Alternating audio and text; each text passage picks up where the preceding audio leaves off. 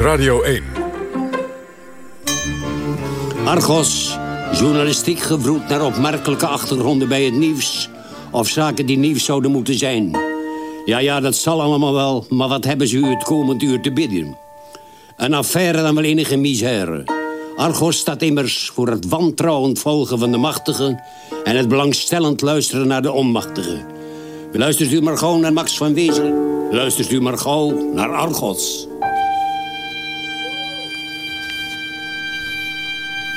Welkom. Welkom bij bijzondere Argos vandaag. Uh, we bestaan deze maand namelijk 20 jaar. U hoorde net Corgales die in de beginjaren van Argos de aankondiging verzorgde. We zitten met publiek. U hoorde het in Studio de Smet in Amsterdam. Straks hoort u de uitslag van de beste Argos ooit. En we praten met betrokkenen bij die uitzendingen. Maar nu zit hier de eerste eindredacteur van Argos... en bedenker van de naam van het programma, Hans Simonsen. Welkom, Hans. Dankjewel, Max. We hebben je uitgenodigd omdat uh, heel vaak de vraag wordt gesteld... wie die naam Argos nou heeft bedacht en, en waarom. En jij weet het antwoord. Ja, en dat vertel ik eigenlijk liever niet. Ik hou dat eigenlijk al twintig jaar geheim. Nee, dat is niet de bedoeling. Je moet dit nu onthullen. de eerste en grootste blunder die we ooit begaan hebben, die naam. Jee. Het zit als volgt. Argus, Penoptus is een bekende term in de Griekse mythologie. Maar in het Grieks is het Argos. Argos um, o panoptis. Dat betekent uh, dat je alles ziet, eigenlijk. Hè? Uh, uh, pan van alles en optus van zien. En uh, Jan Haasbroek, de toenmalige hoofdredacteur radio... die uh, voor elkaar heeft gekregen dat de VPRO... die van Radio 1 verwijderd dreigde te raken. Want veel te lange programma's en zo. Ja, men, de andere omroepen wilde in 1992 echt serieus de, de VPRO weg hebben van, uh, van Radio 1... En toen hebben we dit plan gemaakt met een groepje mensen. Daar was jij bij betrokken, Gerard Legebeke niet te vergeten... Uh, maar ook mensen als Geert Mak, uh, Stefan Adolf... Uh, Marion van Rooyen was er nog bij betrokken in het begin.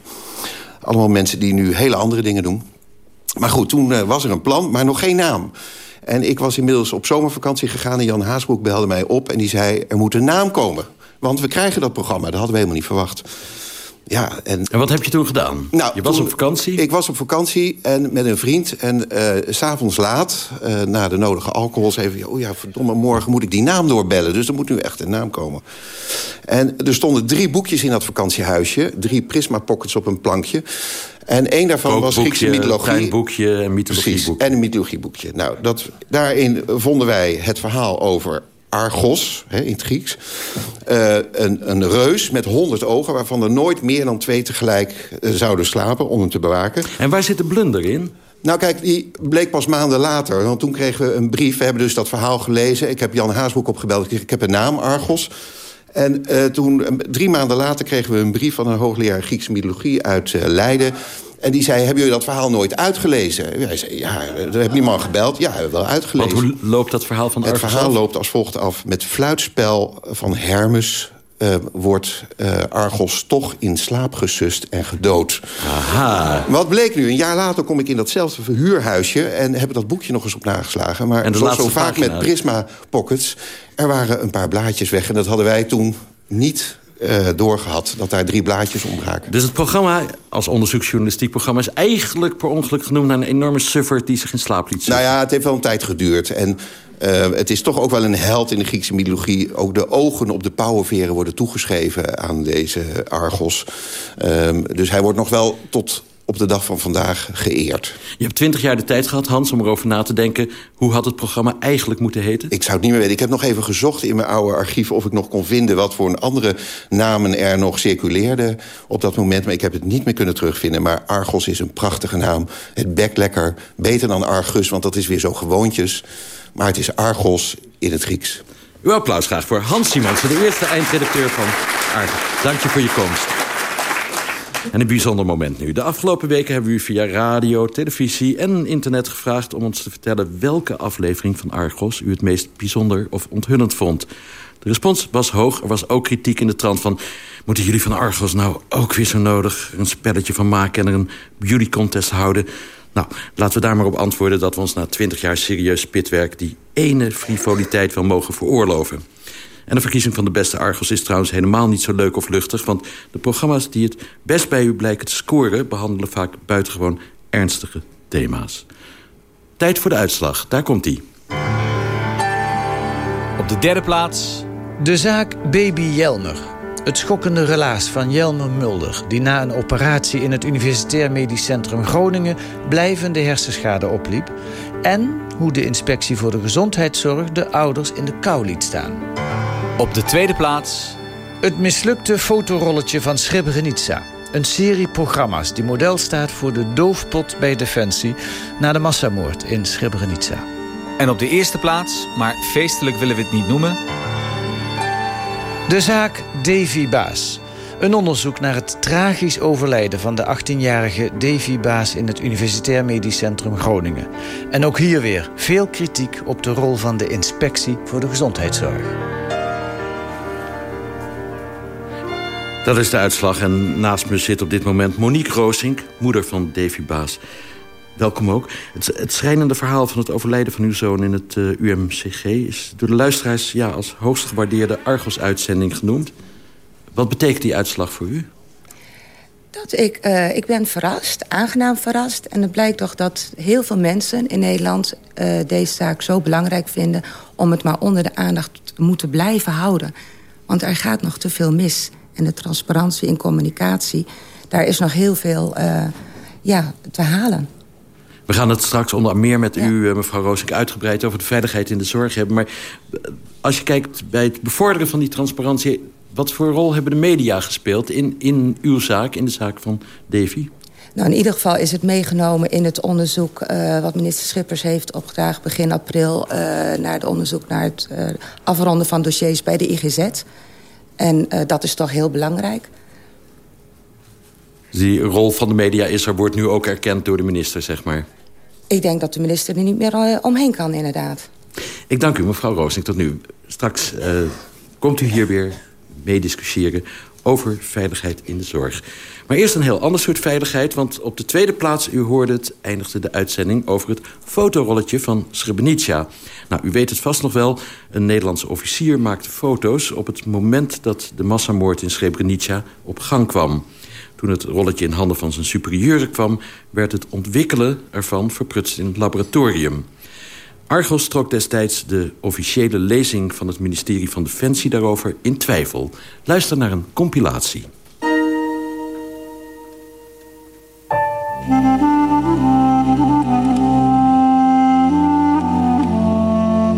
Dan stuiten we op een opmerkelijk verhaal.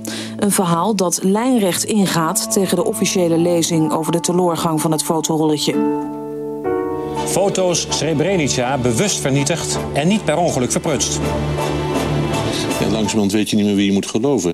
Als u het niet gelooft dat het niet mislukt is, dan laat ik u dat. Nee, nee, maar ik heb die procesverbalen ook gezien. Maar ik vind toch wel dat er nog wel een aantal rare tegenstellingen in die procesverbalen ja, zitten. moet u ze beschrijven. Uh, zoals ik het proces verbaal heb gelezen, heeft hij dus eigenlijk in eerste instantie, wat ben ik nu aan het doen, de chemie volgens de normale procedure aangemaakt. Er is uh, volgens mij geen enkele aanleiding voor dit soort uh, verhalen. Nou, nou is het moment suprem.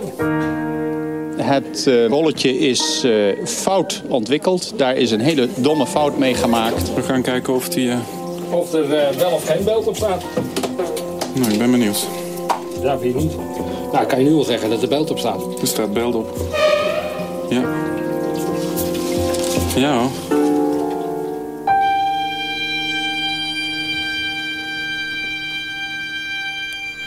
Ja, een zaak die een uh, hele generatie Nederlanders jarenlang heeft bezig gehouden. Het verprutsen van het fotorolletje. U hoorde de geschiedenis ervan in een notendop. Aan tafel zitten inmiddels Bert Bakker, oud-Tweede Kamerlid voor D66... en van 2002 tot 2003 voorzitter van de parlementaire enquêtecommissie... die de val van Srebrenica onderzocht. Ton Heerts, op dit moment voorman van de FNV. Tenminste, heet het nou FNV of nieuwe FNV of nieuwe vakbeweging? Of... Gewoon FNV in beweging. Oh, gewoon FNV in beweging. Dank u wel. Geen wonder dat ik het niet wist. Maar in de tijd voorzitter van de Marechaussee-vereniging... en een van de direct betrokkenen bij de hele zaak van... was er nou een doofpot of niet? En als derde Een van de makers van die eindeloze serie programma's... die Argos aan de val van Srebrenica wijden. Huub Jaspers, welkom jij ook. Meneer Heerts, mag ik bij u beginnen? Want ja, het ging maar om een fotorolletje... en toch ging het jaren door, de zoektocht naar wat er nou precies gebeurd was. Waar stond dat symbool voor? Waarom werd dat zo'n groot nieuws? Met, als je er nu op terugkijkt, dan denk ik dat het rolletje... of dat nou wel of niet opzettelijk mislukt uh, is... of dat dat uh, toch uh, dom, domme pech was. Dat deed er eigenlijk niet zo toe. Het stond voor dat in Nederland, in ieder geval de top van de krijgsmacht... en met name de top van de landmacht... een andere werkelijkheid voor ogen had met de gebeurtenissen daar. En de militairen en de marechaussées die daar dienst deden... ten tijde van die val Um, een van de mannen heeft ooit tegen mij gezegd... meneer Heerts, beste voorzitter... het zijn geen vogeltjes die hier fluiten, het zijn kogels. Dat was zeg maar symbool voor de werkelijkheid... die de, een aantal militairen daar wel degelijk uh, zagen. En het beeld in Nederland dat we in een vredesmissie zaten... en dat we het niet uh, konden geloven dat daar gewoon zeg maar, wreedheden uh, onmenselijkheden plaatsvonden... en uiteindelijk zeg maar gewoon genocide. Maar even los van die symboolwerking... of, of het fotorolletje nou echt bewust verprutst was of niet... Dat, dat is van een mindere orde, zegt u? Ja, het, het, het, stond voor iets. En het was ook, zeg maar, ja, de landmachttop met name... die Um, die, die vond het toch vreselijk. Uh, bedoel, niemand wilde die missie daar doen wereldwijd. Nou, Nederland pakte die taak op, een VN-missie. Maar gaandeweg werd het gewoon echt een zodanig grote oorlog. Nederlandse militairen moesten daar de vrede bewaren. En het werd eigenlijk alsmaar erg. En we zaten midden in een grote oorlog. En in feite een, een genocideverhaal. En ja, dat, dat was de harde werkelijkheid die we heel, pas veel later onder ogen zijn gaan zetten. Huub Jaspers, nou, je ziet het, een heleboel luisteraars... als je denkt aan de beste Argus ooit... kom je gelijk uit op... Uh, Argos, moet ik van Hans Simonsen zeggen. De beste Argos, ooit op zijn Grieks. Uh, dan uh, ja, denken mensen onmiddellijk aan dat fotorolletje. Jij was een van de makers van ja, een hele serie uitzendingen daarover. Verbaasde je destijds dat, dat zo'n groot nieuws werd, die uitzending? Uh, nou, je weet het nooit van tevoren. Wij hadden wel het gevoel dat het groot nieuws zou worden. Dat het uiteindelijk uit zou groeien tot een soort legende. Hè? Want, want, want, want dat is het bijna geworden, denk ik. Hè, dat konden we niet beseffen. En um, misschien ook een beetje uh, gelijk kritiek daarop. Want zoals met elke legende zitten daar dan ook elementen in die niet kloppen. En in dit geval is bijvoorbeeld... Want wat klopte niet? Nou, heel veel mensen denken dat wij bewezen zouden hebben... dat dat fotorolletje bewust verprutst is. Dat hè? is helemaal niet dat zo. Dat is helemaal niet zo. Uh, wat wij gedaan hebben op dat moment... op een, denk ik, moment dat het heel belangrijk was... was aantonen allerlei tegenstrijdigheden... in de officiële lezing over dat rolletje. En uh, daarna zijn er allerlei onderzoekscommissies geweest... die dat uitgezocht hebben, inclusief die van Bert Bakker. Er is nooit bewijs op tafel gekomen dat het bewust verprutst is. Hè? Ik persoonlijk geloof nog steeds niet dat het een ongeluk was. Maar goed, dat doet er niet toe. Dat is nooit bewezen. En ik ben het met Ton Heers eens. Hè, dat fotorolletje werd zo'n legende. Werd bijna een icoon voor de doofpot die er was. Maar, maar dus eigenlijk zeg je, geef je toen na al die jaren... Het, de, de beroemde fotorolletjes-uitzending van Argos ja, was voor een deel gebaseerd op een mythe, op een misverstand. Nee, die uitzending zelf niet. Die uitzending zelf die bevatte heel keurig alle feiten die wij gevonden hadden. En die gingen in tegen de officiële lezing. Dat, dat, dat, dat blijft nog steeds zo. Alleen je ziet, hè, dan komt er... Want de onderzoekscommissies die daarna gekomen zijn... die hadden natuurlijk veel meer middelen. Wij konden geen mensen onder ede horen. Wij kunnen geen uh, opsporingsmiddelen inzetten. De marechaussee geen opdracht geven of zo. Hè. Dus een journalist die moet doen met de feiten die hij op dat moment heeft. Uiteindelijk zijn er heel veel middelen ingezet om die waarheid boven water te krijgen. Daar kwam uit dat er toch iemand is die gewoon zelf onder ede verklaard heeft... ja, ik heb er toen een domme fout mee gemaakt. Um, en, maar goed, die werking van dat rolletje was dus dat heel veel militairen vonden... wij hebben dingen naar voren gebracht, ook bij de defensietop. En om dat beeld niet al te, te vies te maken... wordt dat steeds in de doofpot gestopt. Dat veroorzaakte heel veel frustraties. En dat fotorolletje triggerde eigenlijk dat al die frustraties boven water kwamen. En alle andere verhalen die daardoor loskwamen over Srebrenica, zeg maar. Bert Bakker, u was eigenlijk de eerste in 2002, 2003... die mensen onder Ede kon horen. Heeft u het idee dat u het mysterie van het fotorolletje hebt opgelost destijds? Nou, eigenlijk was het zo dat... Um... Het is misschien wel goed om even terug te gaan naar het moment waarop Ton Heerts eindigde. Die zei, we zaten er volstrekt naïef in als Nederland. Zo waren we er ook naartoe gegaan. Uh, toen, de, toen Srebrenica gevallen was... toen heeft de landmachttop inderdaad geprobeerd om alle verhalen daaromheen... in de zogenaamde debriefing uh, uh, gewoon echt binnenskamers te houden. In de jaren daarna kwamen de uitzendingen over het fotorolletje... maar ook over tal van andere incidenten. Argos heeft daar een belangrijke rol in gespeeld, Nova ook. Uh, er werd een nieuw onderzoek ingevoerd, dat heeft vijf jaar geduurd... en daarna kwam de parlementaire enquête. enquête. En toen hebben wij eigenlijk in eerste instantie gedacht... dat fotorolletje uh, daar gaan we nou niet meer uh, primair aandacht aan besteden. Maar toen waren we eigenlijk al klaar met alle verhoren... die we over de zaak zelf hadden gedaan. Toen kwam er opnieuw een uitzending over het fotorolletje. En daar hebben we een, een paar uur over zitten praten als enquêtecommissie. We zeggen, gaan we toch nog een extra verhoordag uh, en bent u uiteindelijk, doen? Bent u uiteindelijk achtergekomen? En, en uiteindelijk kom ik tot de conclusie zoals eigenlijk Huub die ook zegt. Dat is dat er geen bewijs is voor het bewust verprutsen van het rolletje. We hebben degene die uh, uiteindelijk dat rolletje had moeten ontwikkelen... laten ondervragen door Ad Mostert. Uh, Aart Mostert, die een hele gemoedelijke, maar ook een hele sluwe CDA was... en bovendien chemicus van beroep. Dat is handig. Dat was heel handig. En ook hij, maar wij met hem, kwamen tot de conclusie dat ja, het is plausibel dat het per ongeluk kan zijn gegaan laat onverlet dat natuurlijk heel veel dingen wel zeer bewust achter slot en grendel bleven. Totdat, totdat de media erachter kwamen. We gaan straks praten over die parlementaire enquêtes en die onderzoeken naar Srebrenica in zijn algemeen. Maar we dachten dat we de vraag of dat rolletje nou verprutst was of niet... toch ook moesten voorleggen aan degene die in zijn leven het meest last heeft gehad van de hele affaire. Namelijk Joris Voorhoeven, minister van Defensie in 1995. Ik heb nog steeds geen bewijzen gezien dat het met opzet is verknoeid. Uh, ik ben steeds afgegaan op het aan mij ter beschikking staande uh, best mogelijke onderzoeksmateriaal. En het is verschillende malen onderzocht. Uh, als er plotseling toch bewijzen zouden komen dat het met opzet is verknoeid... dan herzie ik natuurlijk mijn mening. Als ik u zou vragen, moeten we op dat onderwerp Srebrenica doorgaan... of kan dat boek Srebrenica zo langzamerhand dicht? Uh, ik zou het boek open houden, uh, want er zou best nog eens wat nieuws naar boven kunnen komen. Uh, met name de overwegingen van een aantal grote landen om niet actief op te treden.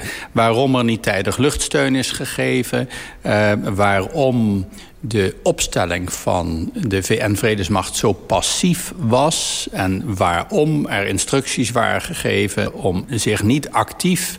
met de strijd in het voormalig Joegoslavië te bemoeien. Joris Voorhoeven was dat. Uh, we hebben ook de huidige minister van Defensie, Hans Hille... om commentaar gevraagd. Dat wilde hij niet geven zolang hij nog minister is. Maar dat zal niet zo lang meer duren. Dus dat houdt u nog goed, het commentaar van Hans Hille. Ton Heerts van de FNV in beweging. Nu, je leert elke dag wat bij hier. En uh, toen van de Marchaussee-vereniging.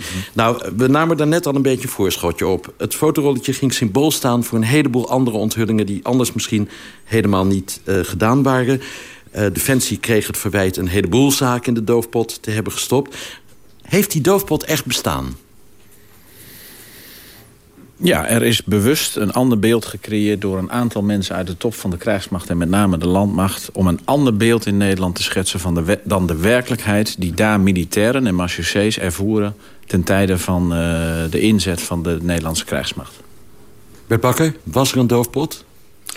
Ja, ik denk dat de top van de, van de landmacht... en in het bijzonder de generaal uh, Cousy... destijds echt heeft gepoogd om het uh, uh, beeld dat wij daar toch goede dingen hadden gedaan... lang overeind te houden en allerlei incidenten... maar ook zou zeggen, de kennis die je op een goed moment kon hebben... over wat er allemaal gaande was... Binnen te houden. Want het was natuurlijk, hij was ook de man geweest die had gezegd... er is helemaal geen sprake van genocide. Toen, toen minister Pronk, hè, die in dat kabinet zat... Uh, ik geloof als minister van... Uh, wat was die? Ontwikkelingssamenwerking. Ontwikkelingssamenwerking, dat kabinet, oké. Okay. Um, maar die was naar toeslagen gevlogen en die kwam ineens daar aan. En die, die kwam vrouwen en kinderen tegen. En die zeiden, onze mannen zijn massaal vermoord. Daar kwam die mee naar buiten. En de, de, de, de reactie van uh, bijvoorbeeld uh, uh, de Hoop Scheffer, toen Kamerlid was. Dat is een schande, dat mag hij helemaal niet zeggen. Want onze jongens zijn nog niet in veiligheid. Hè? En ja, ook, de, ook Cousy zei, er is geen sprake van genocide. En dat is natuurlijk toch later heel anders uh, gebleken te zijn. Vervolgens is men de mannen, de manschappen, gaan debrieven... hebben uitgebreide rapporten over hun ervaringen gemaakt. En die uitgebreide rapporten moesten toch vooral binnenblijven. Ja. En daar zijn in de loop van de jaren steeds elementen uit gelekt door uh, militairen veelal... die dat niet langer voor zich konden houden... en dat aan Nova en aan Argos en zo gingen vertellen. Huub Jaspers, uh, Bert Bakker zei het er net al even. Zonder de rol van de media was misschien die hele enquête er nooit gekomen. Wat is de rol van de media nou geweest? Waarvan kun je zeggen, het gaat om Argos, het gaat om Nova... dat nu Nieuwsuur heet vooral. Uh, wat hebben die aan het licht gebracht... waardoor de zaak echt aan het rollen is gekomen? Nou, die verhalen van die militairen zelf, denk ik. Hè. De betekenis daarvan, dat moeten anderen maar zeggen... Uh, want daar spelen natuurlijk allerlei factoren en, en heel veel media ook een rol in. Maar uh, steeds naar buiten brengen toch van verhalen die die militairen al gedaan hadden. Bijvoorbeeld in die debriefing ook. En die er gewoon uitgezuiverd waren. Er werd gewoon een, een, een, versie van het debriefingsrapport gepresenteerd... waar allerlei lelijke dingen niet in stonden. Ja. En misschien moet ik degene zijn die het misschien ook nog wel even zegt van ergens met de kennis van nu heb ik er ook nog wel een zeker begrip voor. Hè? Dat je niet de vuile was, dat wil natuurlijk geen enkele organisatie de vuile was aan de waslijn hangen. En dat je in zo'n situatie... Dat is helemaal niet jouw taak om daar begrip voor te hebben. Nederland had... nee, daarom zeg ik het ook. Um, Nederland had de Zwarte Piet. Als mens bedoel je, toch niet als Argos-redacteur? Als Argos-redacteur zeg ik dat.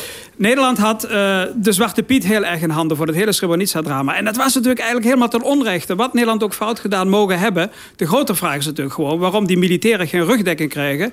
door de grote mogendheden, ja, geen luchtsteun kregen en zo. Dat is ook waarvoor we het net over, op, op ja. het doel. Hè? De, de internationale... Ja. De Fransen, de Engelsen, de, de, de, en dat die landmacht die niet kwamen op een niet al te slimme manier geprobeerd heeft... dan die negatieve dingen een beetje uit de publiciteit te halen. Een beetje begrip kan ik ook nog. Van Heert? Ja, dat begrijp ik op zich. En de, de wreedheden zijn natuurlijk ook vooral door uh, Mladic en Karadzic en de zijnen gedaan. We zijn wel een beetje soft aan het worden. Nee, helemaal niet. Nee, nee, nee, want ik wou nu even de andere nuance aanbrengen. Ik kan me nog uh, goed herinneren, zeg maar, hoe uh, Legebeke en Jaspers zeg maar, hun intro deden binnen de Marchusee-vakbond. Um, en daar waren leden bij die uiteindelijk meer vertrouwen kregen in uh, journalisten van Argos... dan in hun eigen bazen. Ja. En dat is op zichzelf uh, niet een niet te onderschatten uh, proces geweest. En er is ook willens en wetens door een aantal mensen... Ik bedoel, ik moet het niet mooier maken dan het is... maar er zijn dingen zeg maar, in de aanloop van processen verbaal gedaan... die gewoon echt buiten alle proporties waren. Dat marechaussees die de eet hebben hè, en belofte hebben afgelegd dat die dus uh, er zo mee klaar waren... dat ze zeiden, ja, wij gaan het dus gewoon vertellen aan de Twanhuizen... en aan de Legebekers en aan de Jaspers. Dat Martje steeds niet snel natuurlijk. Nee, dus er was wel iets aan de hand. En ik ben er ook van overtuigd dat die hele affaire... heeft geleid tot een andere opvatting van het militaire straf- en tuchtrecht. Welke andere opvatting? Nou, dat er dus een heel duidelijk onderscheid was... dat als je, uh, ook al was het heel erg fout... Uh, dat je dan toch begrip kreeg bij het Openbaar Ministerie... en dat je meer durfde te zeggen wat er werkelijk was gebeurd... en dat de rugdekking in feite uit een hele andere hoek kwam... dan van je eigen baas. En het gaat er niet zozeer aan hoe dat nou precies was... maar de generaal Cousy die later zeg maar Karremans op een manier heeft laten vallen dat hij eigenlijk al wist dat hij niet uitgezonden had moeten worden. Dat is werkelijk niet te bevatten. Recent? En dat is nog maar recent gebeurd. Dus in die zin gaat dat ook door. En dat is wel de rol van de journalisten van Argos. En de procedures, zeg maar, de strafrechtelijke procedures... Die zijn, zijn, beter, zijn ja, die zijn allemaal aangepast. Bert Bakker, het was in juli 1995 het drama, de Zwarte Dag, de val van Srebrenica. De enquête was in 2002 en 2003. Daar zit zeven jaar tussen. Hoe kan ja. dat? Ja, het, het, het, toeval wilde dat toen er tot de enquête besloten was... Uh, toen was er ook uh, in dezelfde maand besloten tot een bouwenquête. En daar hadden we zeven weken voor nodig. Dat is natuurlijk vreselijk. Maar dat was ook een beetje omdat uh, het kabinet, Kok 1, dat er toen nog niet, nog niet zo lang zat... die had geen zin om alles naar buiten te zetten. Hè. Het Paars 1 eh, kabinet was dat. Voorhoeven die wilde eigenlijk aftreden, maar die mocht dat niet. Uh, drie maanden na uh, de val van Srebrenica werd dat gezuiverde debriefingsrapport gepresenteerd aan de Kamer. En twee maanden later zei de Kamer in december... het boek kan nu dicht, hè, met zoveel woorden. Dat was natuurlijk nou, tenminste heel erg naïef. Maar ook wel verwijtbaar, verwijtbaar naïef, vind ik. Omdat uh, er al lang heel veel berichten waren. Ook in de, nou ja, Pronk was de eerste, maar talloze andere berichten. Dat het toch allemaal heel anders was gegaan. En ik vind uiteindelijk moet je een overheid ook in al zijn elementen wel kunnen vertrouwen. Maar je bent het ook voor de landmacht Dat het een beetje lang, lang, op, lang het heeft geduurd voordat de enquête nou ja, kijk, kwam. Er is toen, toen, toen, een paar jaar later, al die verhalen naar buiten kwamen. Toen is er door het kabinet Kok besloten om tot een NIOT-onderzoek te komen. Dat heeft vijf jaar geduurd. En in de tussentijd konden geen enquêtes Srebrenica gehouden worden. Dat werd als excuus steeds, steeds gebruikt. Hè? Ja. De NIOT, NIOT doet nou Ja. onderzoek, dus dan kunnen we even geen parlementaire enquête houden.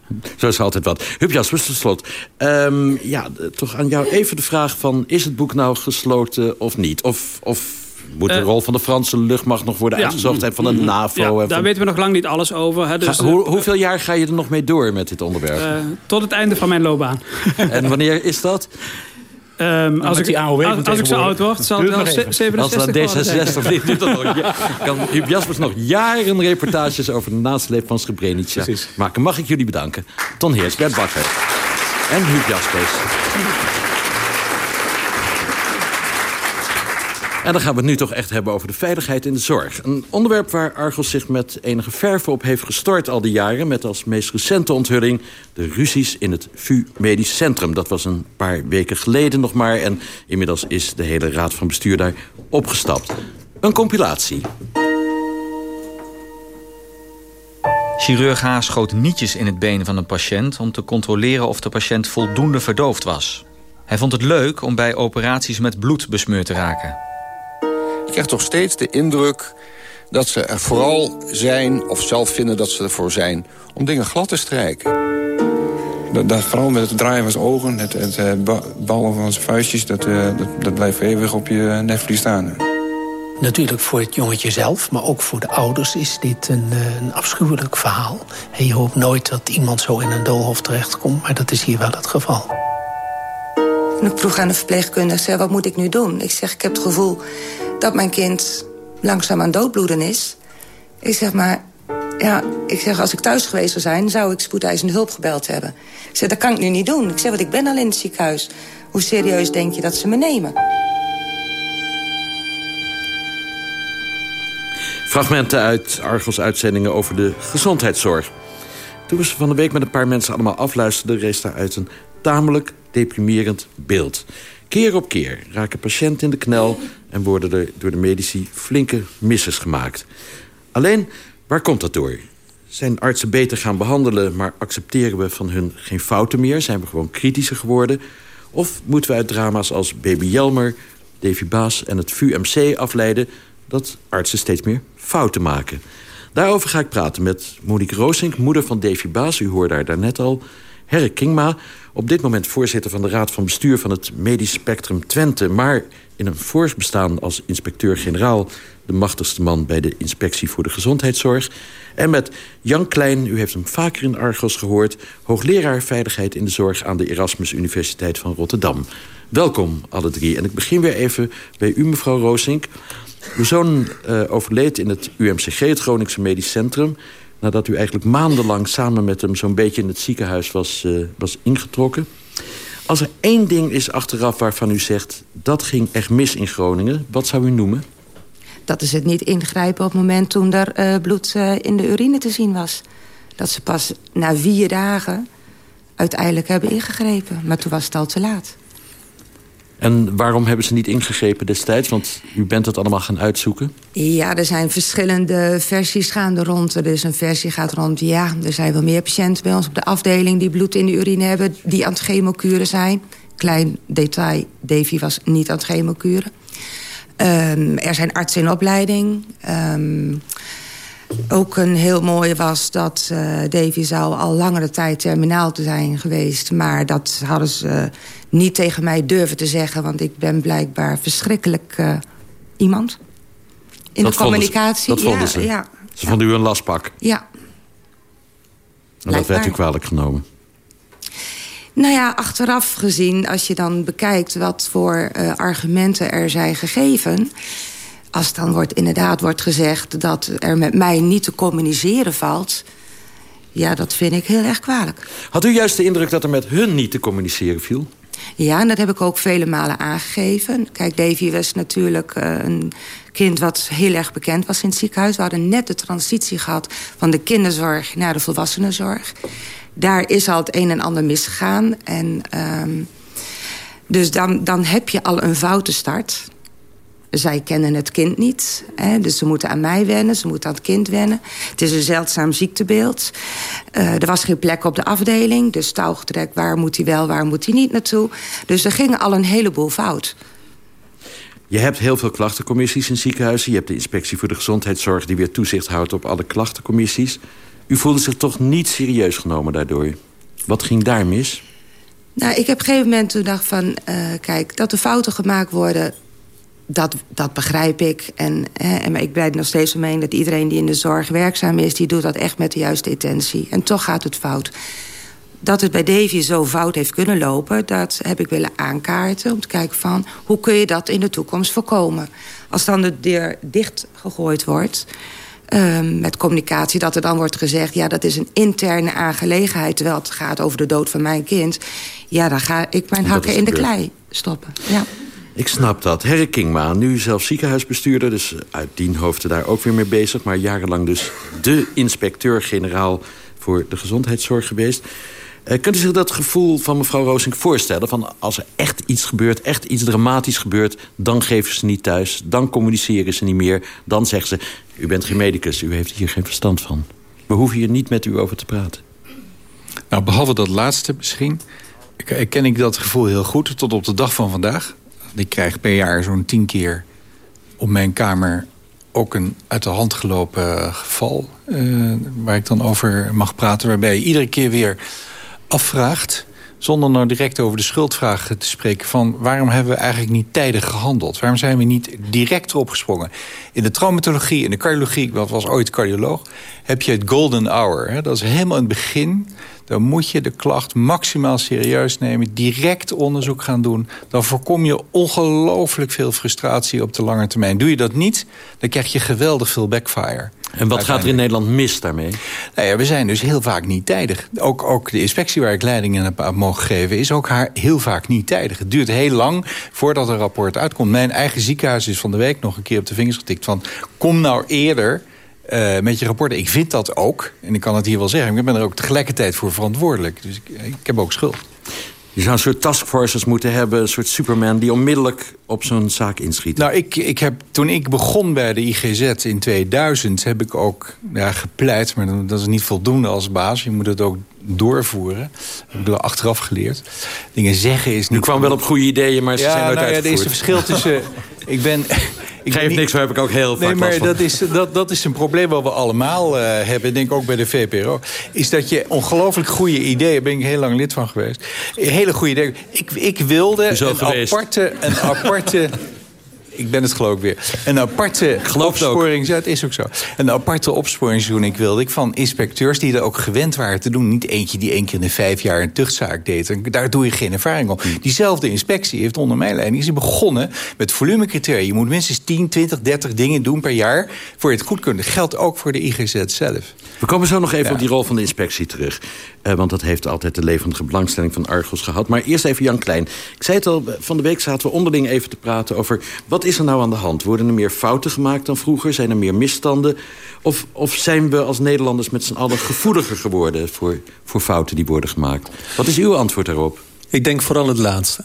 Uh, we zijn kritischer geworden. Tot 2000 uh, ehm, bestond eigenlijk het hele begrip patiëntveiligheid nog niet. Dus het voorkomen van vermijdbare problemen in de zorg. Uh, toen is er een groot onderzoek gedaan, in, of net daarvoor in Amerika. Daar kwamen enorme aantallen uit van mensen die vermijdbaar overleden. En toen is het in Nederland gaan leven. En het wordt maatschappelijk gezien nog, een, nog steeds een belangrijker uh, onderwerp geacht. Daarnaast uh, zijn de behandelingen complexer geworden. Kunnen we steeds meer. En zijn er ook steeds meer mensen die... Uh, ziek zijn en meerdere aandoeningen tegelijk hebben. En dat alles maakt dat uh, het risico op um, het maken van... nou ja, fouten is dan een groot woord... maar dat zien we nu als fouten uh, groter geworden is. Dus ik denk alles bij elkaar dat de zorg veiliger geworden is... Maar dat wij door een veranderde blik en mm. verhoogde complexiteit... Uh, nog steeds te maken hebben met te veel problemen. Dus eigenlijk kunnen we rustig gaan slapen. Het ligt meer aan ons dan aan de zorg. Nee, absoluut niet. Hè? Want um, uh, wij kunnen nog veel veiliger worden. En dat zit er met name in het aanpassen van het systeem van werken. Er zitten nu heel veel valkuilen in. En die kunnen we um, als we daar oog voor hebben, willen hebben, durven te hebben... kunnen we daar aan werken. En waar, waar zitten de valkuilen? Waar moeten we op letten? Op allerlei, op allerlei fronten. Hè? Dus uh, de, uh, zeg maar medicijnen die uiteindelijk uh, verkeerd gegeven worden. Terwijl de verpleegkundige daar absoluut haar best doet. Maar, um, um, of techniek die niet goed functioneert, niet goed bediend wordt. Um, overdrachten, hè, zoals de moeder van Davy net vertelt, die niet optimaal... Er is te veel van het kastje naar de muur gestuurd nog steeds. Ja. Herre Kingma, uh, u heeft vast ongelooflijk uw, uh, uw best gedaan toen... om uh, die inspectie wat dynamischer te maken. Maar als je de balans opmaakt na al die jaren... dan er komt ook veel in die Argos-uitzendingen daarover voor... Er werken te weinig mensen bij die inspectie. Ze kunnen het niet aan. Het duurt te lang, daar hadden we het net over. Ze zijn te bang voor juristen. Ze zijn te bang voor de medisch specialisten en hun organisaties. Ze zijn te bang voor ziekenhuisbesturen. Ze lopen te veel aan de leiband van de minister. Er is ongelooflijk veel kritiek op. Wat is de meest tegenhoudende kritiek, vindt u? Als u iets zou mogen veranderen, als ze u morgen weer terugvragen bij de inspectie... wat zou u dan het eerst aanpakken? We hebben een zelfbewuste en relatief onafhankelijke uh, staatstoezicht nodig. Het woord inspectie komt in de wet niet voor. Ze zijn geen onafhankelijk toezicht? Nee, het staatstoezicht, de inspectie, is, is vooral een instrument geworden van beleid. En, en het toezicht is eigenlijk een instrument van de staat. Toezicht, beleid, uitvoering, dat is gevonden, uitgevonden begin 19e eeuw tijd van de, van de verlichting. En dat hebben we enorm uh, als, een, als een instrument ontwikkeld... van, van de beleidsuitvoerende ambtenaar en, en uh, politici... om maar te zorgen dat wat we willen bereiken ook bereikt wordt. Terwijl de inspectie er eigenlijk vooral is voor de patiënt. Die is weliswaar van de staat, van de minister, maar voor de patiënt. En daarom heb ik het ook nooit Moet het begrepen. onafhankelijk gemaakt worden? Moet het daar nou, weg van dat ministerie waar het nu zit? Nou, het gekke is dat het, het oude staatstoezicht was een bestuurlijk construct... tussen over verschillende ministeries heen. ging ook over huisvesting in de 19e eeuw, ook over milieu. En dat was een heel samenhangend geheel. Dat is versteden, dat, is, dat, zijn, ja, dat zijn dus uitvoeringsorgaantjes geworden bij, uh, bij uh, ministeries. En dat zou je onafhankelijk moeten maken. Hoe je dat doet, ja, je kunt het uh, ophangen onder de Algemene Rekenkamer. Je kunt andere dingen verzinnen. Ik zou daar een enorm voorstander van zijn ook omdat VWS, laten we het daar even over hebben... zo'n enorme impact heeft op de uitvoering van de zorg. Ik bracht in 2004, of ik, de IGZ, bracht een rapport uit over het verpleeghuis. was toen hot. En toen uh, zei uh, een, laat ik, een, een bewindspersoon tegen mij... van God, ben je, ben je lid geworden van de, van de SP of zo? Van de oppositie? Nou ja, ik ben, ik ben, ik ben uh, liberaal in ieder geval. Ja. En, en ik, ik zei, mijn antwoord was, nou dan, als je dat zegt... dan ben je nog nooit in een verpleeghuis ja. geweest. Want wat wij opzeg, opschrijven, mm -hmm. weet iedere burger in dit land die er wel eens komt. Professor Klein, zou het helpen als die inspectie onafhankelijker wordt van, het, van de minister, van het ministerie. En bij de Rekenkamer, we hebben wel eens de nationale ombudsman... de heer Brenningmeijer hier gehad, die, die wil het ook best gaan doen... geloof ik, de inspectie op de gezondheidszorg. Ja, Zou het beter ik denk, zijn? Ik denk dat dat heel belangrijk is. Want een andere constatering kan zijn dat de onderwerpen die u recent aangekaart heeft... Um, uh, dus um, baby Jelmer bijvoorbeeld, maar ook de situatie in de VU... dat de inspectie daar meegezogen is uh, in het probleem. En uh, zeker in aanvang uh, te weinig uh, kritisch gekeken heeft naar de situaties in de ziekenhuizen. En daar kan dat gebrek aan onafhankelijkheid een belangrijk issue geweest zijn. Nou, ga ik me even verplaatsen in de minister, in Edith Schippers in dit geval. Want die zal, als ze deze discussie hoort, denk ik zeggen, en haar ambtenaren ook... ja, kijk, er zijn mensen als mevrouw Roosink... die weten de weg naar de media te vinden... Uh, dan zijn er weer lastige Kamerleden, al of niet van de SP... die onmiddellijk Kamervragen stellen. Dus ja, het komt op mij af. Ik moet die verantwoordelijkheid kunnen dragen. Het, het kan niet weg bij de minister. Wat, zou u daar, wat is uw reactie daarop, meneer Klein? Ja, ik, um, ik blijf het toch, uh, zeg maar... Uh, dat dit soort verhoudingen zijn met name politieke verhoudingen. En um, ik zelf uh, ben politiek naïef en ik ben gericht op de inhoud. En ik denk dat inhoud uh, vooral gebaat is bij politieke onafhankelijkheid. Wat en het democratische bestel moet nog steeds kunnen functioneren. Dus die vragen, ja, die zijn vervelend. Maar daar moet ze mee overweg kunnen. En meneer King, maar wat zou u zeggen als minister Schippers zegt... ja, Het is een politiek issue. De Kamer wil over niks anders praten. Je moet in Nederland, en ik denk dat je daar eh, Engeland en Ierland in kunt navolgen... ook Scandinavië, daar hebben de Chief Medical Officer... Die, dat is een onomstreden hoger persoon... Uh, die, die moet je dat vertrouwen geven. Die benoem je ook voor zes jaar. Kan je ook niet ontslaan in de tussenliggende periode. En die is verantwoordelijk voor de hele inhoud van de zorg. Die minister is verantwoordelijk van hoe je het verdeelt... wat de financiële consequenties voor de burger zijn... de hoogte van de premie en dergelijke. Dat is wat anders dan de vraag van... de kwaliteit van de wie zorg vaccineer ik en al die dingen. Precies. Mevrouw Roosing, tenslotte. Als u één ding mag veranderen... is het dan vooral die betere communicatie? De betere communicatie, inderdaad. En de transparantie daarin. De eerlijkheid. Mag ik u bedanken voor deze discussie. Jan Klein, Rick Klingwagen, Monique Roosing.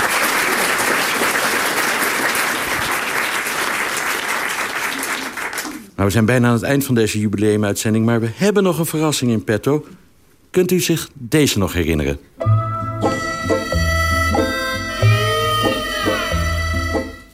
Ja, Ron van Dalen namelijk gaf jarenlang zijn eigen interpretatie van het nieuws... in de rubriek Once Upon a Time in the News. Uitgezonden meteen na afloop van Argos op de vrijdag was dat toen nog. Voor dit jubileum hebben we Ron gevraagd zijn archieven in te duiken... en nog één keer een bijdrage voor ons te maken... met in de hoofdrol iemand die we op een dag als vandaag noden missen. Gerard Legebeke. Als eindredacteur jarenlang de drijvende kracht achter Argos. Gerard overleed op 1 augustus 2008. Luistert u naar Once Upon a Time in Argos.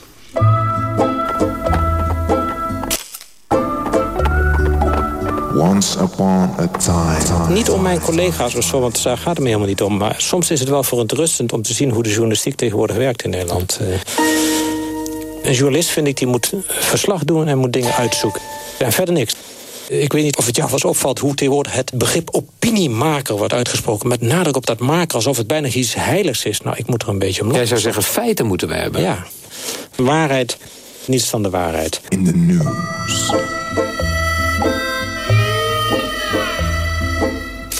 Er komen wat mails binnen voor jou uh, van luisteraars. Uh, hier bijvoorbeeld, wanneer stopt Argos nou eindelijk eens met die zelfmoordmuziek?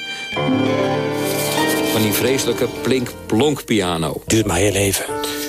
Dus het blijft? Ja. Argos. Het meest klantvriendelijk worden we geholpen door het Zwitserse kantoor van de Rabobank. De stem van de Rabobank-medewerker wordt nagespeeld. Met de Rabobank, goedemiddag. Ik heb een vraag aan u. Ja. Ik heb een, uh, een bepaald bedrag wat ik weg wil zetten. Ja. Hoe, hoe, hoe kan ik dat het beste aanpakken? U moet bij ons een, een rekening open. Ja. ja. Dat klinkt nu een beetje simpel. Ja, dat had ik zelf ook al bedacht. En daar moet het geld op komen. Ik moet dat zelf doen. Ja, ja, ja, ja dat moet u zelf doen. Ja. Hm, dus dan moet ik met dat geld naar u toe komen. Mm -hmm.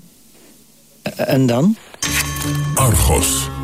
Het verhaal begint eind juni, als we in ons postvak een dikke enveloppe vinden. Gevuld met uitgetikte teksten, documenten... Een memorandum. In ieder geval de synopsis en een... Uitgebreid dagboek. Afzender onbekend. Tenminste, dat staat op iedere pagina in grote letters. We beginnen te lezen. Het gaat om geheime codeberichten van de Amerikaanse ambassade die bij ons binnenkwamen. En wie speelt daar een prominente rol in? Jaap de Hoop Scheffer. It was very gezellig, a very friendly, cozy atmosphere. We had we had a very very nice uh, uh, move around the ranch. The ranch, ranch. Sure is peaceful out here on the range. Ja, Jaap de Hoop Scheffer die het very gezellig had. Ja, very gezellig bij Bush op de ranch. Op de range. Ranch. Ranch. In Texas.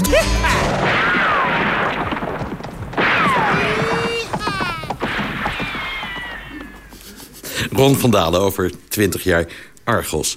Ondertussen vraagt u zich misschien af... wie krijgt nou dat Argos Doe-het-zelf pakket... dat zou worden verloot onder de deelnemers aan de uitverkiezing... van de beste Argos ooit. Het pakket met daarin de Argos koffiemok, het t-shirt, de recorder... en de zonnebril om op vertrouwelijke missies niet te veel op te vallen. Nou, daar gaan we.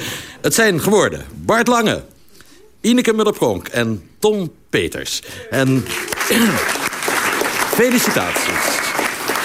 En we hebben ook nog uh, 50 Argos opschrijfboekjes onder de inzenders verloot. Uh, houd uw e-mail in de gaten, want we mailen u. Ontzettend bedankt voor het luisteren naar deze jubileumuitzending van Argos. 20 jaar bestaan we. Volgende week zaterdag weer een reguliere uitzending. Vergeet vooral ook niet te kijken naar Argos Televisie. Aanstaande woensdag om 5 voor 11 s avonds op Nederland 2.